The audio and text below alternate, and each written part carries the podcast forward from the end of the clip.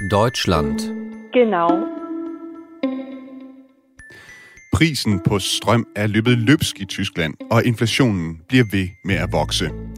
Energikrigen mellem Europa og Rusland er den alt overskyggende dagsorden hos vores nabo mod syd.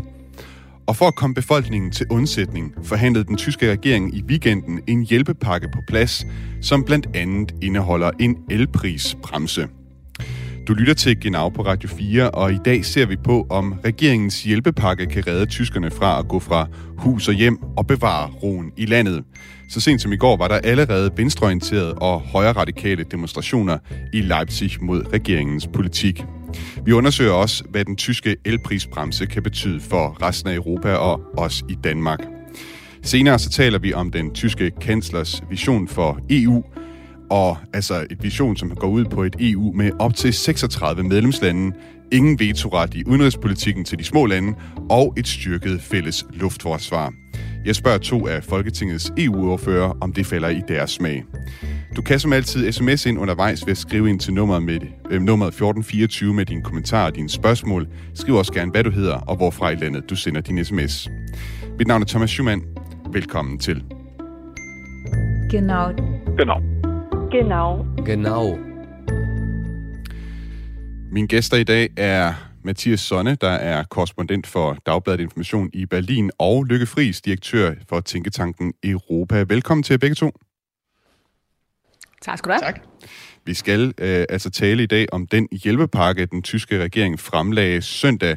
Men øh, lad os starte øh, i stedet for øh, allerførst i øh, Leipzig, i det østlige Tyskland, for det handler egentlig også om noget af det, som den her hjælpepakke går ud på. I øh, Leipzig, der blev der afholdt mandags demonstration mod regeringens håndtering af energikrisen.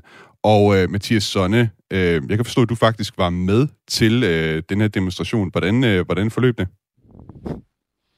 Jeg- Jeg vil lige præcisere, at jeg overværede øh, demonstrationen som journalist. Jeg var ikke med til den i den forstand. Javel.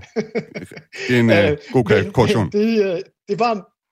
Ja, det var, øh, det var meget, meget interessant øh, at se øh, selvfølgelig den, den, altså sådan den store ramme for det, at de prøver på at sparke øh, gang i, i de her mandagsdemonstrationer, altså øh, traditionen helt tilbage fra den fredelige revolution i 1989, hvor Leipzig jo var, var omdrejningspunktet, som jo også med Pegida-demonstrationerne under øh, den såkaldte flygtningekrise i 2015 og 16 jo også blev et stort samlingspunkt for, øh, øh, for protesterne, øh, og også var mandagsdemonstrationer, som de altså nu igen prøver på at, at få op at køre øh, som protest mod øh, mod sanktionspolitikken og energipolitikken fra, øh, fra forbundsregering.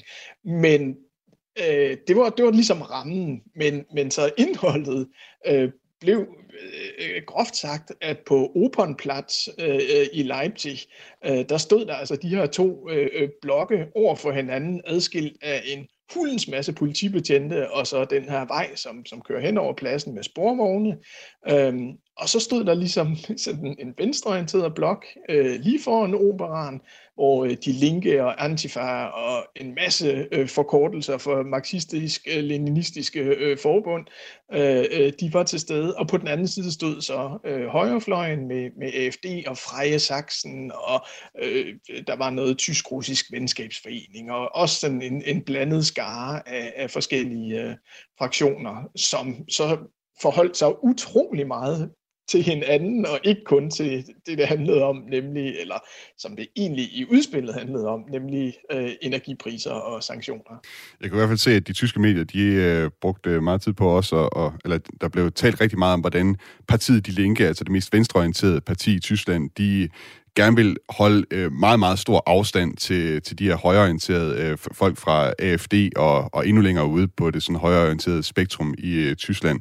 Det var de meget, mange gange ude at sige, at øh, vi marcherer ikke sammen med dem, vi demonstrerer ikke øh, sammen med dem. Øh, der var et øh, meget fint øh, klip fra, som øh, avisen øh, Die Welt øh, lavede. De havde optaget øh, nogle af de her øh, demonstranter, nogle af dem, som talte øh, på øh, til, til demonstrationen her.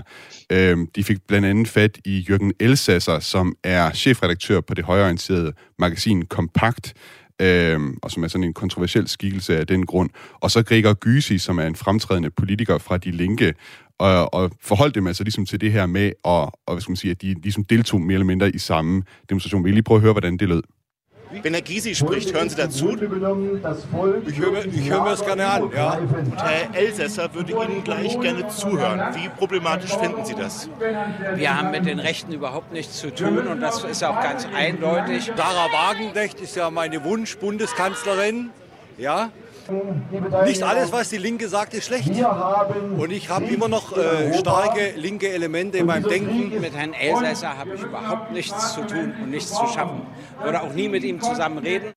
Ja, der bliver så krydsklippet her, og Jørgen Elsasser, han øh, bliver spurgt ind til, om han skal over og høre Gregor Gysi tale. Gregor Gysi, som er den her fremtrædende politiker fra partiet De Linker. Og det siger han, jo, det øh, kunne jeg egentlig godt øh, finde på at tage derover. Og så bliver Gregor Gysi så spurgt, om han synes, det er problematisk, at Jørgen Elsasser vil komme og lytte til hans øh, tale. Og der siger Gregor Gysi, vi tager meget kraftig afstand fra øh, de øh, højorienterede. Vi, vi, vi, vi, øh, vi demonstrerer ikke sammen med dem.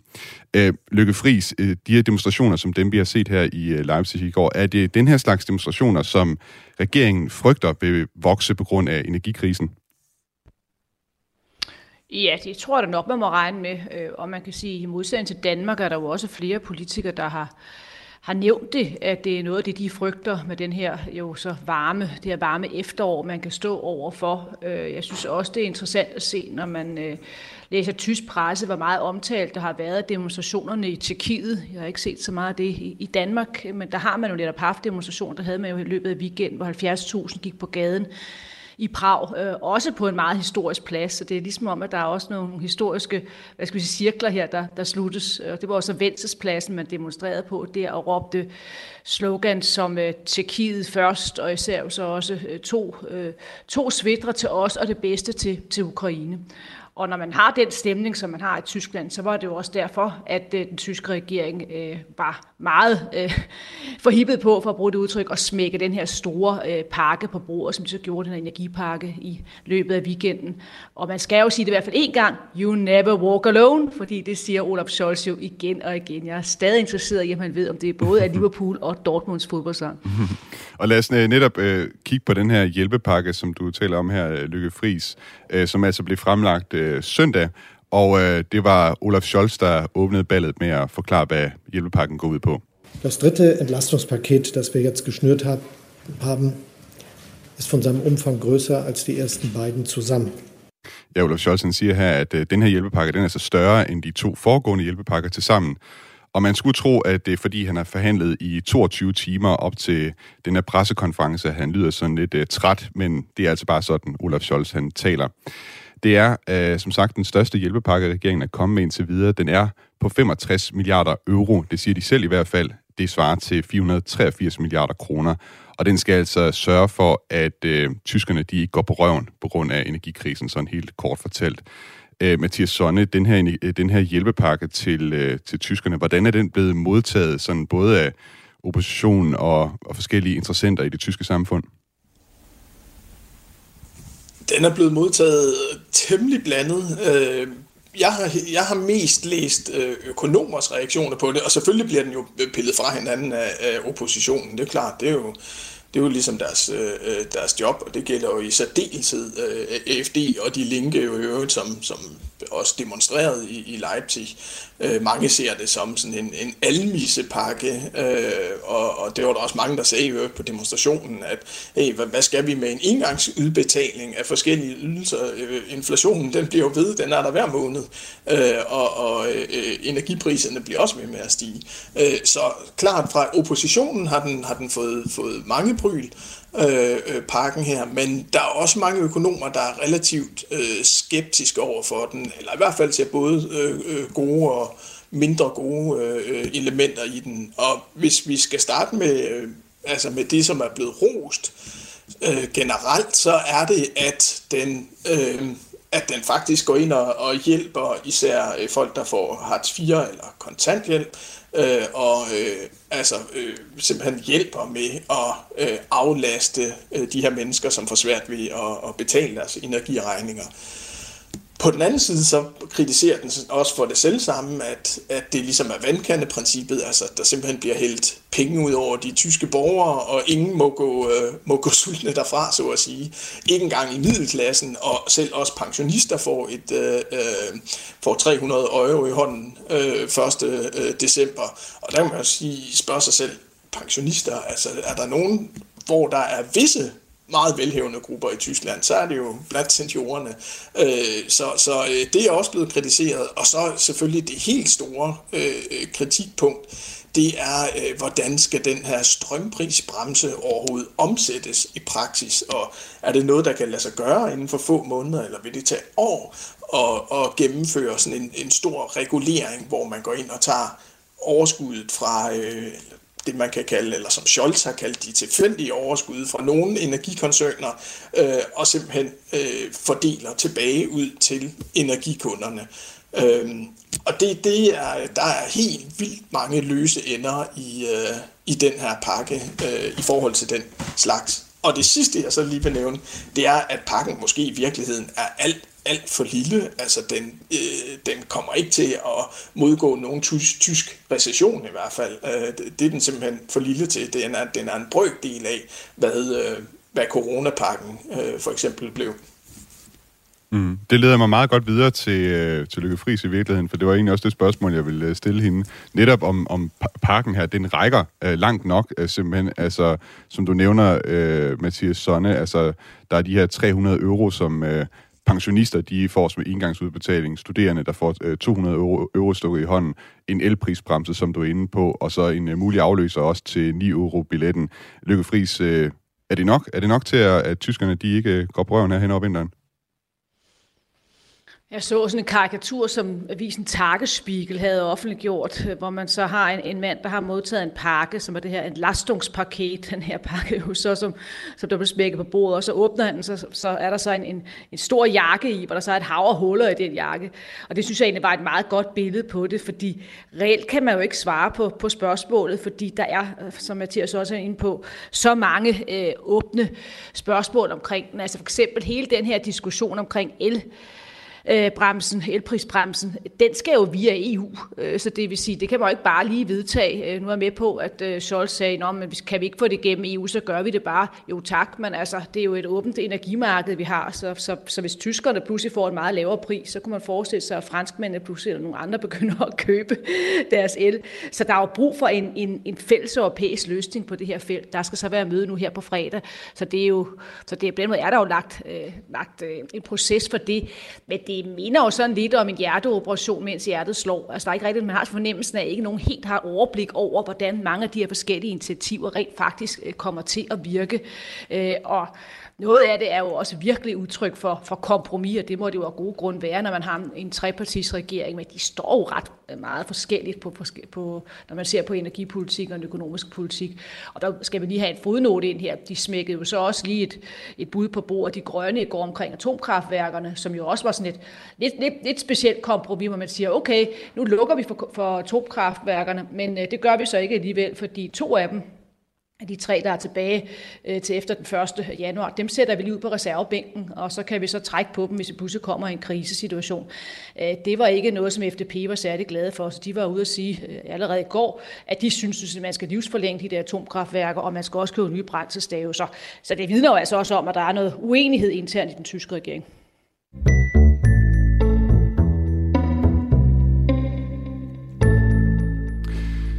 Vi har fået et øh, par sms'er fra vores lyttere her undervejs øh, i udsendelsen. Øh, vi har fået øh, den her fra en lytter, der er skrevet ind. Det er altid spændende, når tyske nationalister og socialister er enige. Laver de et valg øh, forbund, eller laver de et valgforbund, kan de bruge forkortelsen nazi igen. Øh, jeg vil sige til den lytter, det håber jeg da så sandelig ikke, at det kommer til at ske. Så har vi øh, også en sms mere her fra øh, Tommy Ligård, der skriver, var i Tyskland i weekenden og hørte om en ny fraktion – ikke AFD, men ADD, parentes, Anschluss an Dänemark. Hvor, stærke, hvor stærk er den? Mathias, sådan har du hørt om Anschluss an Dänemark? Nej, Nej, det har jeg ikke. Okay. Men øh, det, det, generelt så, så er jeg jo øh, luksusindvandrer i det her land, fordi tyskerne har et fuldstændig øh, skæv opfattelse af Danmark og i det hele taget Skandinavien som sådan et, et samfundsmæssigt øh, paradis, hvor vi ikke har nogen problemer. Øh, så det undrer mig ikke, at øh, Anslus an Dänemark er opstået. Hvad med dig, Lykke Friis? Har du hørt om den? Øh, nej, det må jeg indrømme, det har jeg ikke. Jeg prøver lige for tvivl på at google det, om jeg kan finde noget på det. det, det jeg tænker, det må, det, det, må, det må være en eller anden form for svar på, hvor stærk den her bevægelse er. I hvert fald ikke uh, stærk nok til, at I uh, har lagt mærke til den. Øhm, nu talte vi før, vi kom før ind på den her elprisbremse, som, øh, som I begge to har hæftet jer ved, og som jeg også har lagt mærke til, at rigtig mange øh, tyske medier har hæftet sig ved. Øhm, der var en del af, af medierne, som øh, skrev det, øh, om det i deres øh, lederkommentar øh, i går. Avisen site, de skrev, at det her, den her elprisbremse er ikke færdigbagt, fordi det er først sådan, at eksperter øh, de skal se på, hvordan den helt konkret øh, skal udformes. Og de skrev også her, øh, og jeg læser op her, dermed er pakkens centrale problem beskrevet. Den er egentlig ikke rigtig færdig. Øh, Mathias Sonne, hvad, hvad ved vi om, hvordan det her, den her elprisbremse den konkret skal udformes? Jamen, vi, vi ved, at grundideen øh, i, i Tyskland og i øvrigt også øh, i EU-kommissionen har von der Leyen øh, luftet. Øh, grundideen er, at man går ind og øh, tager nogle af de her øh, øh tufaldsgevinde, som man kalder det nu, altså tilfældige gevinster, som nogle af strømkoncernerne, øh, de, øh, de scorer på de her ekstremt høje energipriser, øh, øh som vi har for tiden øh, øh, eller strømpriser øh, i særdeleshed. Øh, der går man ind og tager en del af, af overgevinsten, eller af, af, af den usædvanlige øh, gevinst, øh, som øh, de her koncerner har, og så definerer man sådan en form for basisforbrug, hvor man så sørger for, at der er øh, billig adgang til at have et basisforbrug. Øh, altså der tager man simpelthen fra, man tager fra toppen og omfordeler ned efter til bunden, så alle kan få en given mængde strøm øh, til, en, til en rimelig pris, eller en, til en lavere pris, end man ville kunne på, øh, på markedsbetingelser. Men som man kan høre på min udlægning her, så er der simpelthen så mange øh, øh, ja, løse øh, ender og, og kanter i det, fordi hvad, hvad pokker er et basisforbrug, altså hvordan skal man definere det, øh, og hvornår er en gevinst tilfældig, øh, og hvornår er den øh, velplanlagt, øh, eller mere konkret fortalt, så handler det om, at gaspriserne er utrolig høje, og ud fra noget, der hedder, hedder merit order-princippet, øh, så er det med til at definere selve strømprisen. Problemet er bare, at hvis man laver strøm med øh, grønne energier, altså sol og vind, så kan man gøre det til en brøkdel af den pris. Det vil sige, de selskaber, som faktisk har investeret rigtigt øh, øh historisk set, øh, og øh, har, har satset på vedvarende energi, de bliver nu så at sige øh, øh, straffet for det, fordi deres gevinster er ekstremt høje lige nu, og det er altså de gevinster, man øh, til dels også går ind og tager. Så der kommer også en masse debat, om det er, øh, det, er det rigtige instrument at hive fat i, om det hæmmer den grønne øh, omstilling som sådan.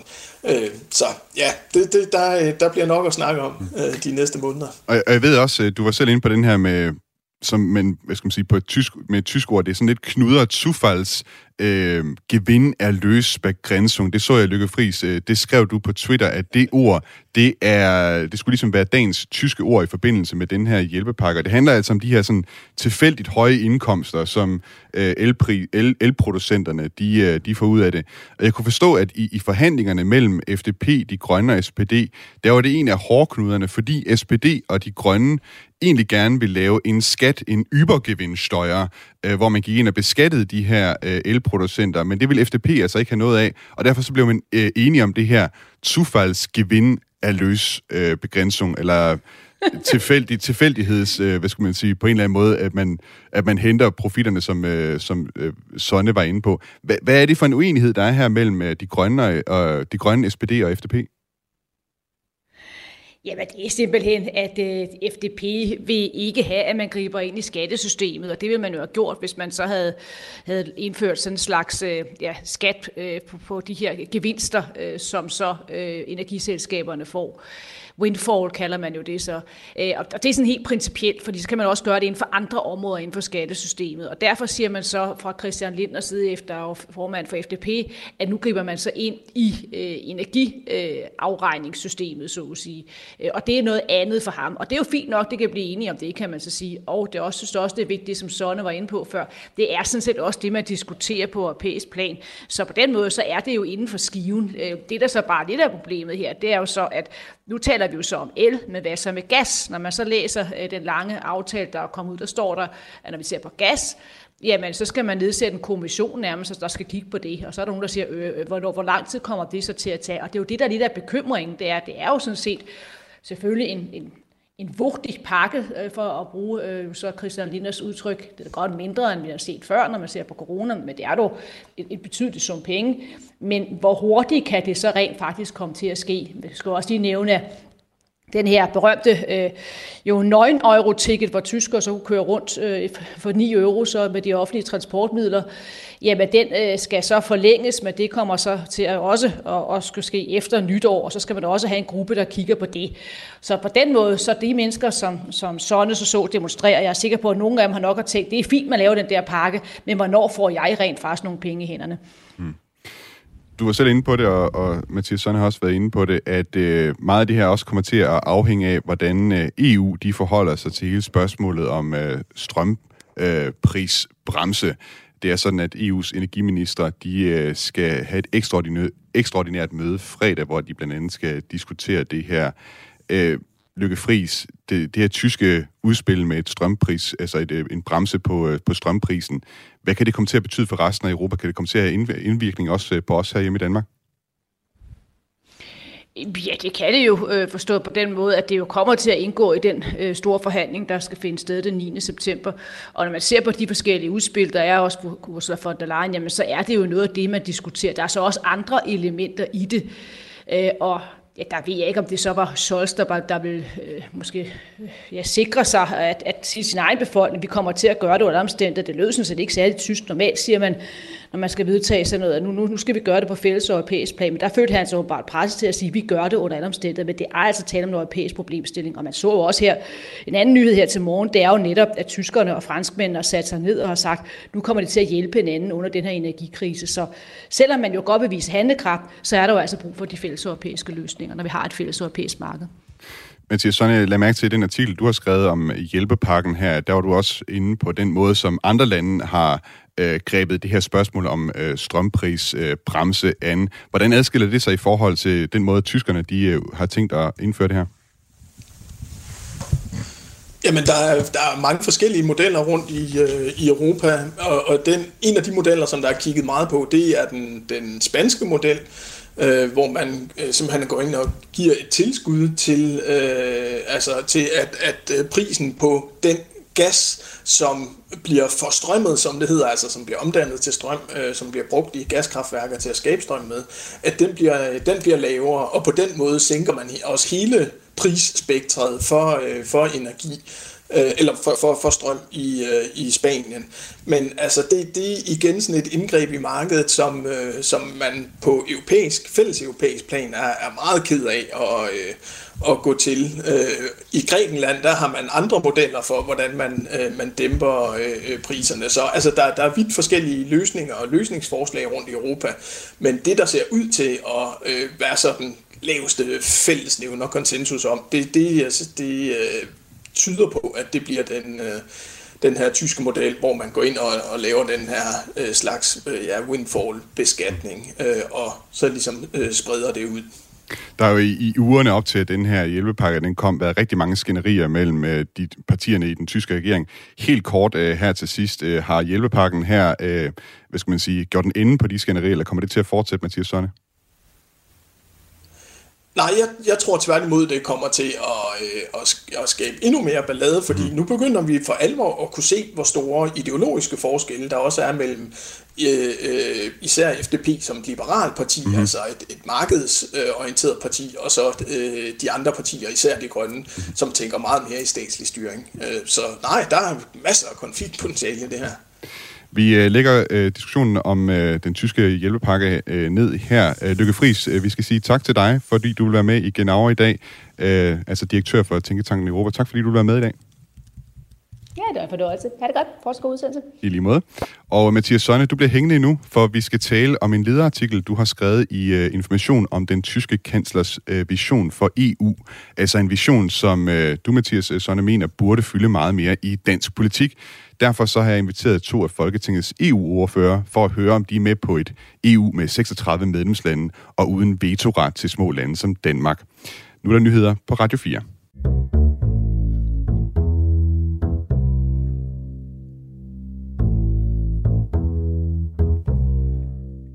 Mandag i sidste uge var den tyske kansler Olaf Scholz på besøg i Prag, hvor han i en tale fremlagde sin vision for fremtidens EU.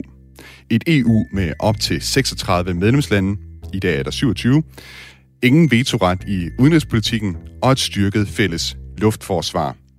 Den tale dykker jeg ned i med Mathias Sonne, korrespondent i Berlin for Dagbladet Information, og to af Folketingets EU-ordfører. Du kan som altid sms ind undervejs i udsendelsen ved at skrive ind til nummeret 1424 med dine kommentarer og spørgsmål. Skriv også gerne, hvad du hedder og hvorfra i landet du sender. Du lytter til Genau på Radio 4. Mit navn er Thomas Schumann. Og øh, Mathias Sonne, du er stadig med på en øh, forbindelse her. Du har altså skrevet en øh, lederartikel om øh, den tale, Olaf Scholz holdt sidste uge i Prag, hvor han fremlagde sin vision for fremtidens øh, EU. Det var en tale, der varede cirka 50 minutter. Og jeg kan forstå på din leder, at øh, du egentlig mener, at der var gods nok i den her tale. Alligevel så kalder du, det, kalder du talen for en passionsfattig performance. Hvorfor? Jamen, det er jo simpelthen, fordi Olaf Scholz, han er så helt umanerligt kedelig at høre på. Øh, han, han, øh, han stod i, i 50 minutter og, og læste op af den her tale, øh, og bagefter var der i øvrigt ikke, der var ikke spørg, spørgsmål-svar muligheder fra, fra publikum, selvom, selvom det var på Karls Universitetet. altså, der burde han jo også komme i, i, i dialog med mm-hmm. dem, der, der lytter til ham. Men altså, det var, det var simpelthen bare en, en øh, indholdsmæssigt rasende interessant tale, som ja, blev holdt Mathias, på en utrolig kedelig måde. Ja, Mathias, og før, før vi dykker ned i selve indholdet af det, så kunne jeg godt lige tænke mig at give lytterne sådan lidt øh, smag for, hvordan det lyder, når, tale, når Scholz holder tale, og hvorfor det er, du mener, det er en passionsfattig performance. Så jeg lige prøve at høre et klip her fra talen. Es ist mir eine große Ehre, an diesem historischen Ort quasi unter den Augen des Gründers dieser altwürdigen Institution zu Ihnen über die Zukunft sprechen zu können. Über unsere Zukunft, die sich für mich mit einem Wort verbindet, Europa. Und es gibt wohl keinen geeigneteren Ort. Ja, sådan var det altså cirka i 50 minutter, og øh, jeg kunne godt forstå, hvis der var nogen derude, der sådan, øh, blev lidt søvndyset øh, af det. Han siger her i talen her, at han starter med det sådan indledningen i talen, hvor han starter med at sige, at det er en stor ære for ham at tale på universitetet i Prag, en, en by, som han forbinder øh, med Europa. Øh, Mathias Sonne, du skriver også i din leder, at den her tale, den indeholdt altså en række bidre sandheder, konkrete krav og højdragende visioner om fremtidens EU, som ingen europæisk politiker kan sidde overhørig. i. Hvad var det for bidre sandheder og højdragende visioner, Olaf Scholz kom med?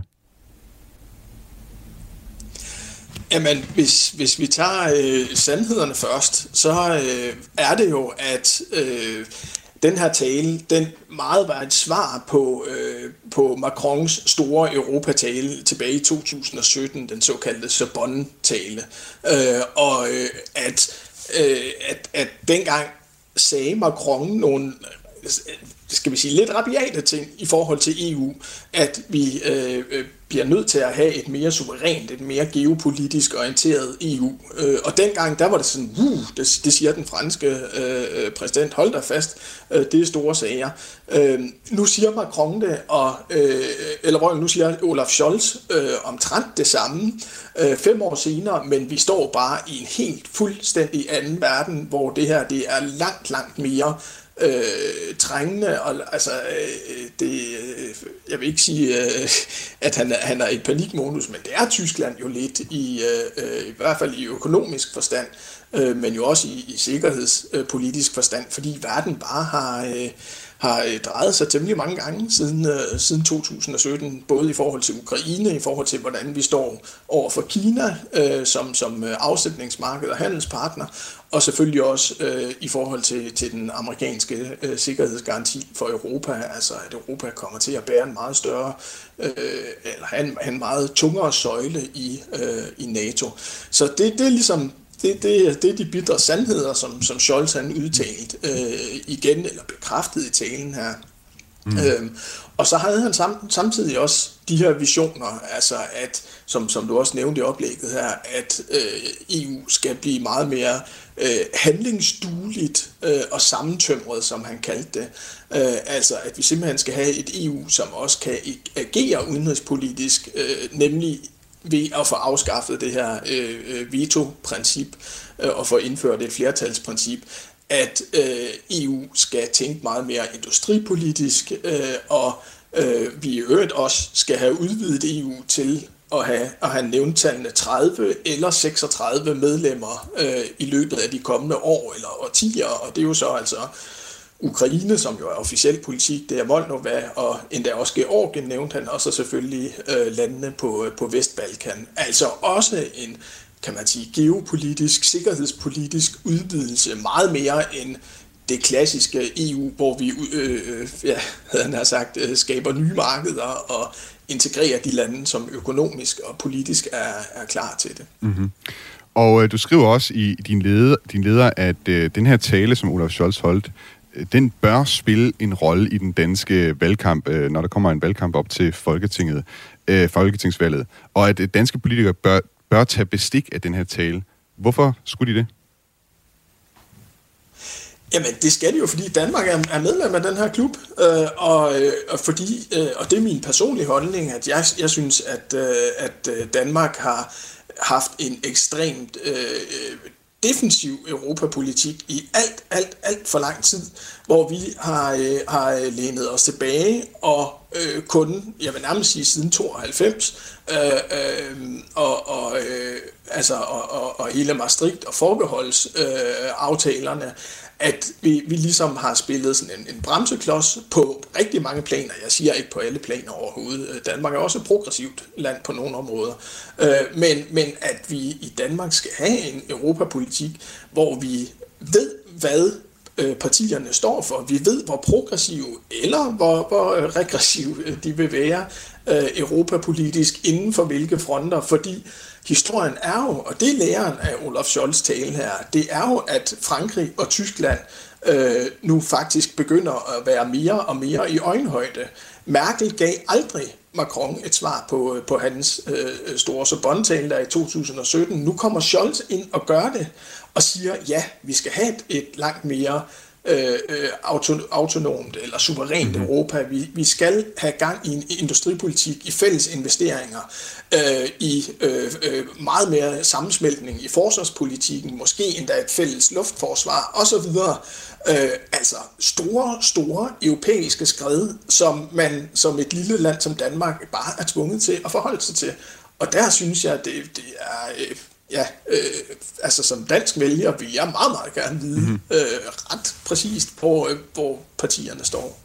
Og øh, netop af den grund, Mathias Sonne, har jeg inviteret to af Folketingets øh, EU-ordfører med i programmet i dag. Det er Anne Sofie Kallesen, EU-ordfører fra Radikale Venstre. Velkommen til Genau. Tak skal du have. Og jeg har også inviteret Katarina Amitsbøl, ligeledes EU-ordfører, men hos det konservative Folkeparti. Også velkommen til dig, Katarina Amitsbøl. Tak. Og øh, nu hørte vi Mathias Son her fremlægge, hvordan øh, Olaf Scholz han forestiller sig øh, sine visioner for, for EU øh, fremadrettet.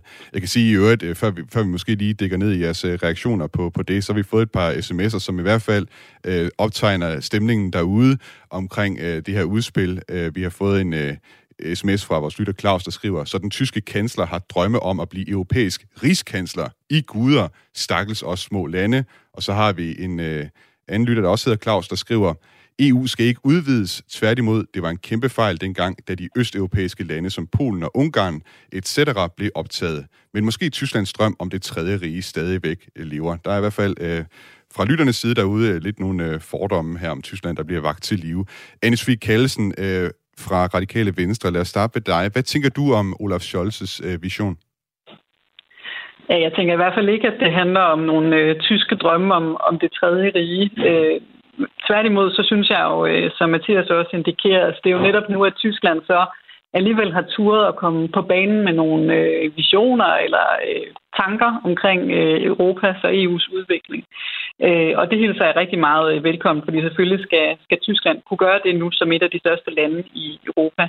Øh, og jeg tænker også, at mange af tingene er jo, øh, er jo en, mere en erkendelse end en vision. Altså, øh, at vi er nødt til at stå mere på, på egne ben. Øh, Øh, det er svært at være øh, uenig i, synes jeg i hvert fald. Det er der mange, der er. Men, men det, er, øh, det er sådan, landet ligger. Øh, vi er nødt til at kunne noget mere selv.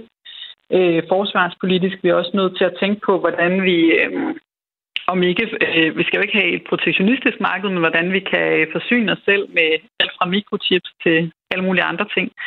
Øh, så det er vi nødt til at have nogle øh, visioner for. Så er der hele udvidelsesdelen, som selvfølgelig er, er mere vanskelig på en måde, og så alligevel ikke, fordi jeg, jeg er enig i, altså han siger det der med, øh, og Europas midte bevæger sig ostwärts, altså Europas midte bevæger sig mod øst, øh, og det, det gør den jo, og så skal vi finde ud af, hvordan får vi de her lande inkluderet, altså de lande, der ligger på, øh, ja, på vippen, øh, og som vi jo skal sørge for at knytte an til Europa, til de vestlige værdier, i stedet for at det bliver øh, Rusland og også Kina, for den sags skyld, der vil forsøge at dominere dem, uden at vi samtidig giver køb på, øh, på de øh, retsstatsprincipper, på Københavnerkriterierne og på alle de kriterier, vi har opsat for, hvad der skal til for at være med i, i den europæiske union. Jeg hører, Anne Sviv Kjeldsen, du, du er forholdsvis øh, åben for øh, de ting, han øh, fremlægger, også i forhold til, til en udvidelse. Hvad med det her med øh, enstemmighedsprincippet i udenrigspolitikken, EU's udenrigspolitik, øh, som han jo gerne vil have afskaffet? Er det også noget, du går ind for? Jamen, øh, det var jo en stor diskussion, da vi havde øh, forbeholdsdebatten, øh, og, øh, og vi mener det samme nu, at det skal vi ikke på forsvarsområdet. Altså, når det handler om udsendelse af danske soldater, så skal vi ikke øh, gøre op med, øh, med det princip. Øh, men når det gælder nogle andre beslutninger, det kunne være... Øh, øh, sanktionspakker over for Rusland, så er det problematisk, at vi har lande som Ungarn for eksempel, som kan øh, blokere. Så, øh, så et stykke hen ad vejen, men som øh, Mathias også siger, så er det jo lidt øh, ukonkret, hvordan han vil gøre det. Øh, så, men, men princippet om, at vi også er nødt til at kunne træffe nogle fælles beslutninger, hvor vi i hvert fald taler med én stemme, altså diplomatisk øh, og kunne, og kunne noget mere sammen, øh, den, øh, den deler vi, og det, det mener vi både nu. Det sagde vi sådan set også under forbeholdsvalgkampen, som jo så hurtigt blev til, at vi ville sende danske soldater ud øh, på andres øh, mm-hmm. mandater, og det er ikke tilfældet. Katarina Amitsbøl, jeg kunne også godt tænke mig at få dig ind her, altså EU-ordfører for Konservative øh, Folkeparti. Øh, til at starte med, hvad, hvad, hvad var din sådan, reaktion? Er du enig i de ting, som øh, Olaf Scholz siger? Modtager du det med, med kysshånd, den her vision, han har for EU? Nej, det kan jeg ikke rigtig sige, vi gør. Øh, det var jo en noget toneløs øh, tale. Ja, bare det at, at lytte til den. Øh, og der kommer også en, kan man sige, et meget stort forsøg på at vise lederskaber, men nu er man et, et stort Tyskland, og også give et modstil til Macron. De har et meget tæt samarbejde nu også omkring hele energipolitikken. Jeg så, at de havde et, et live-møde her forleden aften, de to. Så, og det er selvfølgelig godt, at vi skal stå på mere på egne ben. Det er vi slet ikke uenige i. Det skal vi over for Rusland, over for Kina, og der er nogle gode takter lige præcis i det, som også bygger videre på det franske øh, formandskab for EU, hvor de havde det, de kaldte det strategiske kompas. Og det handler jo om sikkerheden. Vi skal være stærkere selv. Vi kan ikke kun øh, læne os op USA. Det er jo helt klart energipolitikken, som vi har jo set, at vi har simpelthen sovet i timen i Europa ved at gøre os afhængige af Rusland og handlen med Kina. Vi skal stå på egen ben. Det er jo rigtigt. Det er der ikke nogen, der også er uenige i. Men det, at han vil ligesom gå ud og ændre meget på EU's arkitektur, der er det, jeg siger, der, der er vi det vil være bekymret over for det her med nye konstruktioner som et sikkerhedsråd. Hvad er også flertalsafgørelser? Det kan have store betydninger for os som et mindre land. Det er jo godt nok, når vi, skal, vi gerne vil have det, vi har som sanktioner over for, for Rusland, og hvis vi ikke lige kan få Orbán med, jamen, så er det jo godt, hvis vi kan være flertal. Men man skal bare huske, der er mange andre områder, og især på forsvarsområdet er det jo helt afgørende, vi bliver ved med at have vores vetoret. Øh, der var også det omkring udvidelsen. det er jo øh, lidt det, at man kan sige med udvidelse af EU, vi skal også på, at vi ikke gør det, det der enten eller. Enten skal man være i, i hele parken af EU, eller så er man udenfor. Det er klart, at vi har en interesse i at samle mange af de lande tættere på os, som er nævnt, øh, øh, som er også fra Moldova, Georgien. De vil også gerne herover mod os. De vil gerne også i NATO. Øh, og de, øh, de sådan vestbaltiske lande også. Øh, vestbalkanske lande også, at de også gerne med. Det har været øh, en lang, lang diskussion i, i flere år. Spørgsmålet er, om vi skal se på, om der er en tredje vej. Er der en form for samarbejde, relation, handelssamarbejde, men ikke blive optaget i EU. Det kræver rigtig, rigtig meget, og det skal det også kræve. Og det er måske ikke der, vi, der er det svært at se, hvordan vi er nu, fordi vi er meget forskellige i EU. Jeg tror ikke, man kan sige, at EU har ligesom et fælles værdigrundlag, men det er altså noget forudsætning for at være med i EU, og vi kan se, hvilke udfordringer vi gør, når vi ikke har det. Så her synes jeg, at der går, han, går, han går meget, meget langt på visse områder, hvor vi ikke kan være med. Mm-hmm. Nu havde vi nogle lyttere, som skrev ind med reference sådan til det tredje rige øh, og så videre. Du sagde også, at øh, han er ligesom ude og vise, øh, nu er Tyskland et, et stort land. Øh, øh, du, du frygter simpelthen den indflydelse, som, som et land som Tyskland vil have, hvis det er, at man går ind for eksempel og afskaffer sådan noget som enstemmighedsprincippet i, i udenrigspolitikken, eller hvad? Er mit spil? Vi kan i hvert fald se, at det vil være en meget, meget stærk tysk-fransk koalition, der vil drive det fremad. Hvis vi skal have et fælles samarbejde i EU, skal vi huske det regionalt, og EU består af medlemsstater. Der er det altså meget, meget vigtigt, at der bliver lyttet til alle staterne. For ellers tror jeg, at vi får et, et Europa delt op, og et Europa, der bliver splittet, og måske nogle lande, der så vil melde sig ud. Og det kan man jo komme til, hvis det her bliver simpelthen for dominerende. Vi skal ikke have et nyt Brexit, for eksempel. Vi skal ikke have Italien, der, der står af. Hvor vi også godt kan måske... Det kunne godt ske, Især hvad vi ser, der sker i Italien lige nu. Jeg tror, det er meget, meget vigtigt, at når man taler om Europas fremtid og EU og den arkitektur, så er det nogle fælles beslutninger, og det er vigtigt, at alle lande også har en stemme i det.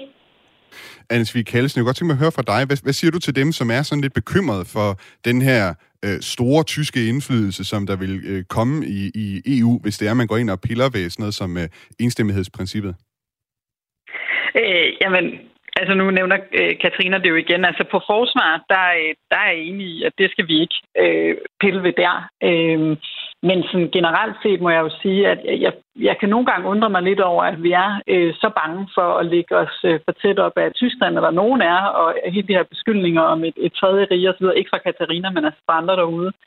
Øh, men, øh, men vi har jo i overvis lagt os enormt tæt op af USA, og virkelig gjort os afhængige af USA, og og vi skal være tætte partner med USA, men der er bare en eller anden forskel i, hvordan vi behandler de to lande, at, øh, at øh, USA, der skal der øh, ikke stille spørgsmålstegn ved, øh, at dem må vi lægge os en til en op af. Øh, men øh, Tyskland, som jo er et land, vi deler enormt mange værdier med, ligesom vi gør med USA, men som altså er endnu tættere på os, både geografisk, men jo også et, et samfund, som jeg da meget mere kan spejle mig selv i end det amerikanske, så er man uha meget bange for, at de skal... Øh, have en indflydelse på, på os. Fordi Tyskland er et vigtigt land i Europa, øh, og jeg synes, vi skal... Øh, vi skal jo tage imod øh, Scholz's øh, idéer, vi skal diskutere dem, øh, fordi det er lige præcis det, vi kan, når vi er med i den samme øh, union. Så har vi jo en meget større stemme. Vi har meget mere mulighed for også at påvirke Tyskland, end vi har for eksempel med USA, hvor vi er en helt enorm lillebror til dem. Mm. Og jeg taler ikke for, at vi skal kappe til USA på nogen måde. Jeg synes bare altid, det er lidt der er noget sjovt i, at vi... Øh, at så, så snart det bliver Tyskland, så er der jo også noget historisk, som gør, at man reagerer øh, stærkt. Og det synes jeg, vi er nødt til at, at, at sætte os ud over og diskutere øh, mm-hmm. på de præmisser, der er i dag, øh, og hvor vi må diskutere de konkrete øh, forslag, der kommer. Øh, og der er jeg jo ikke enig i dem alle sammen, men jeg er enig i, at vi er nødt til at forandre øh, Øh, på nogle ting i Europa, fordi situationen er forandret, og så kan vi ikke bare holde fast i, at tingene skal være, som de var øh, i 90'erne, øh, fordi sådan ser verden ikke længere ud. Du var selv inde på det her, Anne Sofie Kallesen. Det er noget, vi skal diskutere også herhjemme i, øh, i den danske debat, øh, de ting, der kommer fra Tyskland. Det er også noget, det Mathias Sonne, han skriver om i sin øh, leder i Information, at øh, sådan en tale, som den Scholz, Scholz han kommer med her, den burde fylde mere i for eksempel øh, folketingsvalgkampen. Øh, Tror du, øh, uh, Ansvig Kalsen, at det her, det bliver, den her tale, det bliver et tema op til folketingsvalget? Øh, altså, jeg håber det i hvert fald, at temaerne gør, hvis ikke talen i sig selv. Øh, og, der, øh, og der synes jeg jo, det er fantastisk, at øh, Mathias skriver på lederplads omkring det her. Fordi jeg må jo indrømme, at jeg har også travlt med valgkamp nu, og havde ikke øh, fået set talen øh, før nu. Øhm, og det er jo sådan lidt hønnen og ægget, at det er politikerne selv, der skal sørge for at orientere sig, men, men vi bliver også meget øh, dikteret af, hvad der er i pressen, så derfor er det godt, at i hvert fald informationer i her, jeg håber også nogle af de, de andre øh, medier, som også når, når måske øh, endnu bredere ud, vil tage det her op, fordi det er vigtigt, at vi forholder os til det. Øh, for ellers så kører toget jo bare uden, at vi øh, får indflydelse på det, eller uden at vi for alvor får diskuteret det, i hvert fald får en folkelig debat om det. Mm. Og det synes jeg er helt afgørende. Så øh, står det til mig, så øh, skal vi helt bestemt diskutere det. Øh, men det er jo også et spørgsmål om, hvad, hvad for nogle spørgsmål vi, vi også får i valgkampen, ikke mindst af pressen. Ja. Jeg kunne godt tænke mig også lige kort her til sidst at høre fra Katarina Amitsbøl, øh, hvad du har at sige, Katarina. Er det noget, der kommer til at fylde øh, i din øh, del af, af Folketingsvalgkampen, når vi kommer til det? Hvis du spørger om min egen personlige valgkamp, så kan jeg aldrig lade være med at have noget af det internationale med, fordi det er jeg meget formet af. Og også fordi det er så vigtigt for Danmark, at vi har stærke internationale relationer, men også fordi vi ser lige det nu, de kriser, vi står i, med en krig i Ukraine, med en øh, energikrise, det er jo nogle ting, og klimakrise også, økonomisk krise foran os, det er jo nogle kæmpe udfordringer, vi ikke kan løse alene. Så det vil jeg jo have med, også selvfølgelig med i, i min øh, valgkamp.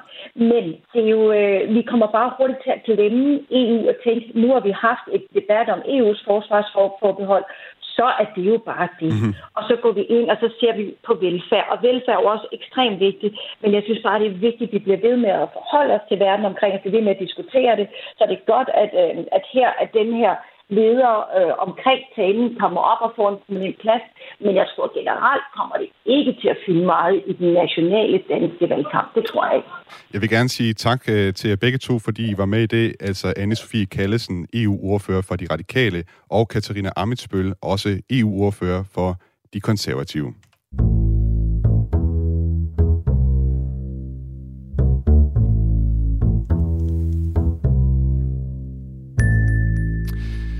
Mathias øh, Sonne, øh, det fik jo en del ros øh, med på vejen her, at du havde forfattet den her leder. Hvad tænker du om det, øh, de to EU-ordfører øh, sagde her? Er du stadig med, Mathias Sonne? Jamen, jeg er bare først og fremmest øh, set fra journalistisk. Yes, kan du høre mig? Der er lidt forsinkelse på linjen her, Mathias Sonne. Jeg prøver lige at stille øh, spørgsmålet igen, og så venter jeg simpelthen bare på dit svar. Øh, ja, som sagt, øh, hvad tænker du om, øh, om EU-ordførernes øh, reaktion her?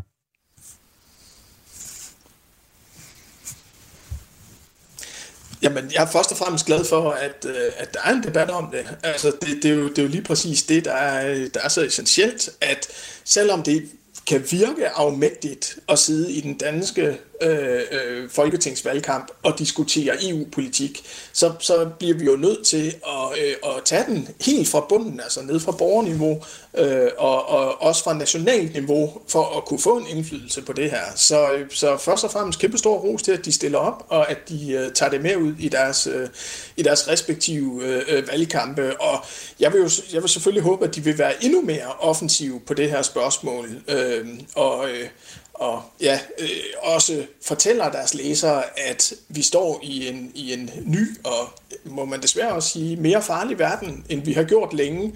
Og, øh, og som øh, øh, Anne-Sophie Kallesen sagde, vi kan ikke længere lade som om, at vi er i 1990'erne, at EU er et eller andet, der er nice to have.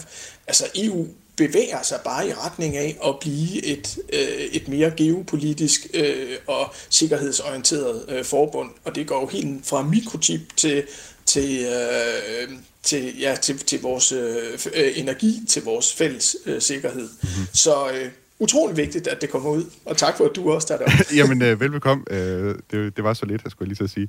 Hvad hedder det? Nu, nu så vi folk, der skrev ind øh, med, med den her sådan øh, indstilling til, til Tyskland om, at over det er det tredje rige, der er på vej tilbage, og vi skal sandelig ikke have den her store tyske indflydelse.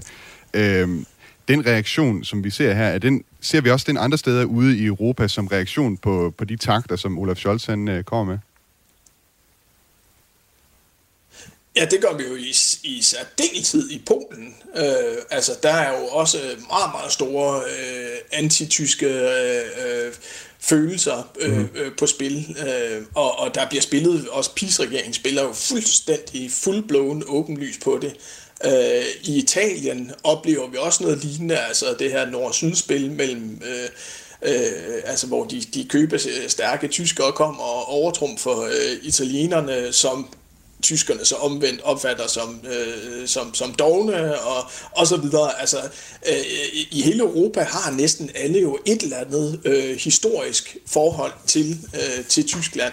Og paradoxalt nok, så, så er Frankrig jo et af de lande, som, som efterhånden har det mest forsonede forhold efter øh, utallige krige igennem de sidste øh, århundreder.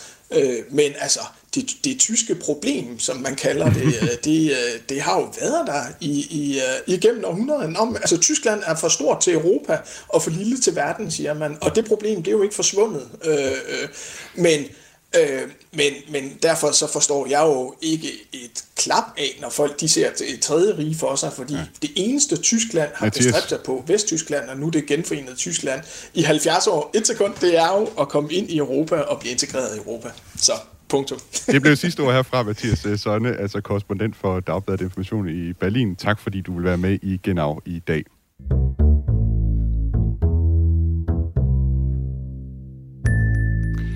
Du har lyttet til Genau på Radio 4, der er tilrettelagt af Niklas Erbilor Dein, redaktør af Camilla Høje Eggers. Mit navn er Thomas Schumann. Hvis du kan lide Genau, så vil jeg anbefale dig at gå ind og downloade Radio 4's app og trykke på følg ud for Genau, så får du alle episoder. Og hvis du har en tysklandsk glad ven derude, så vil jeg også anbefale dig at anbefale programmet til vedkommende. Du kan også skrive til mig på genau radio4.dk. Tak fordi du lyttede med. Auf Wiederhören.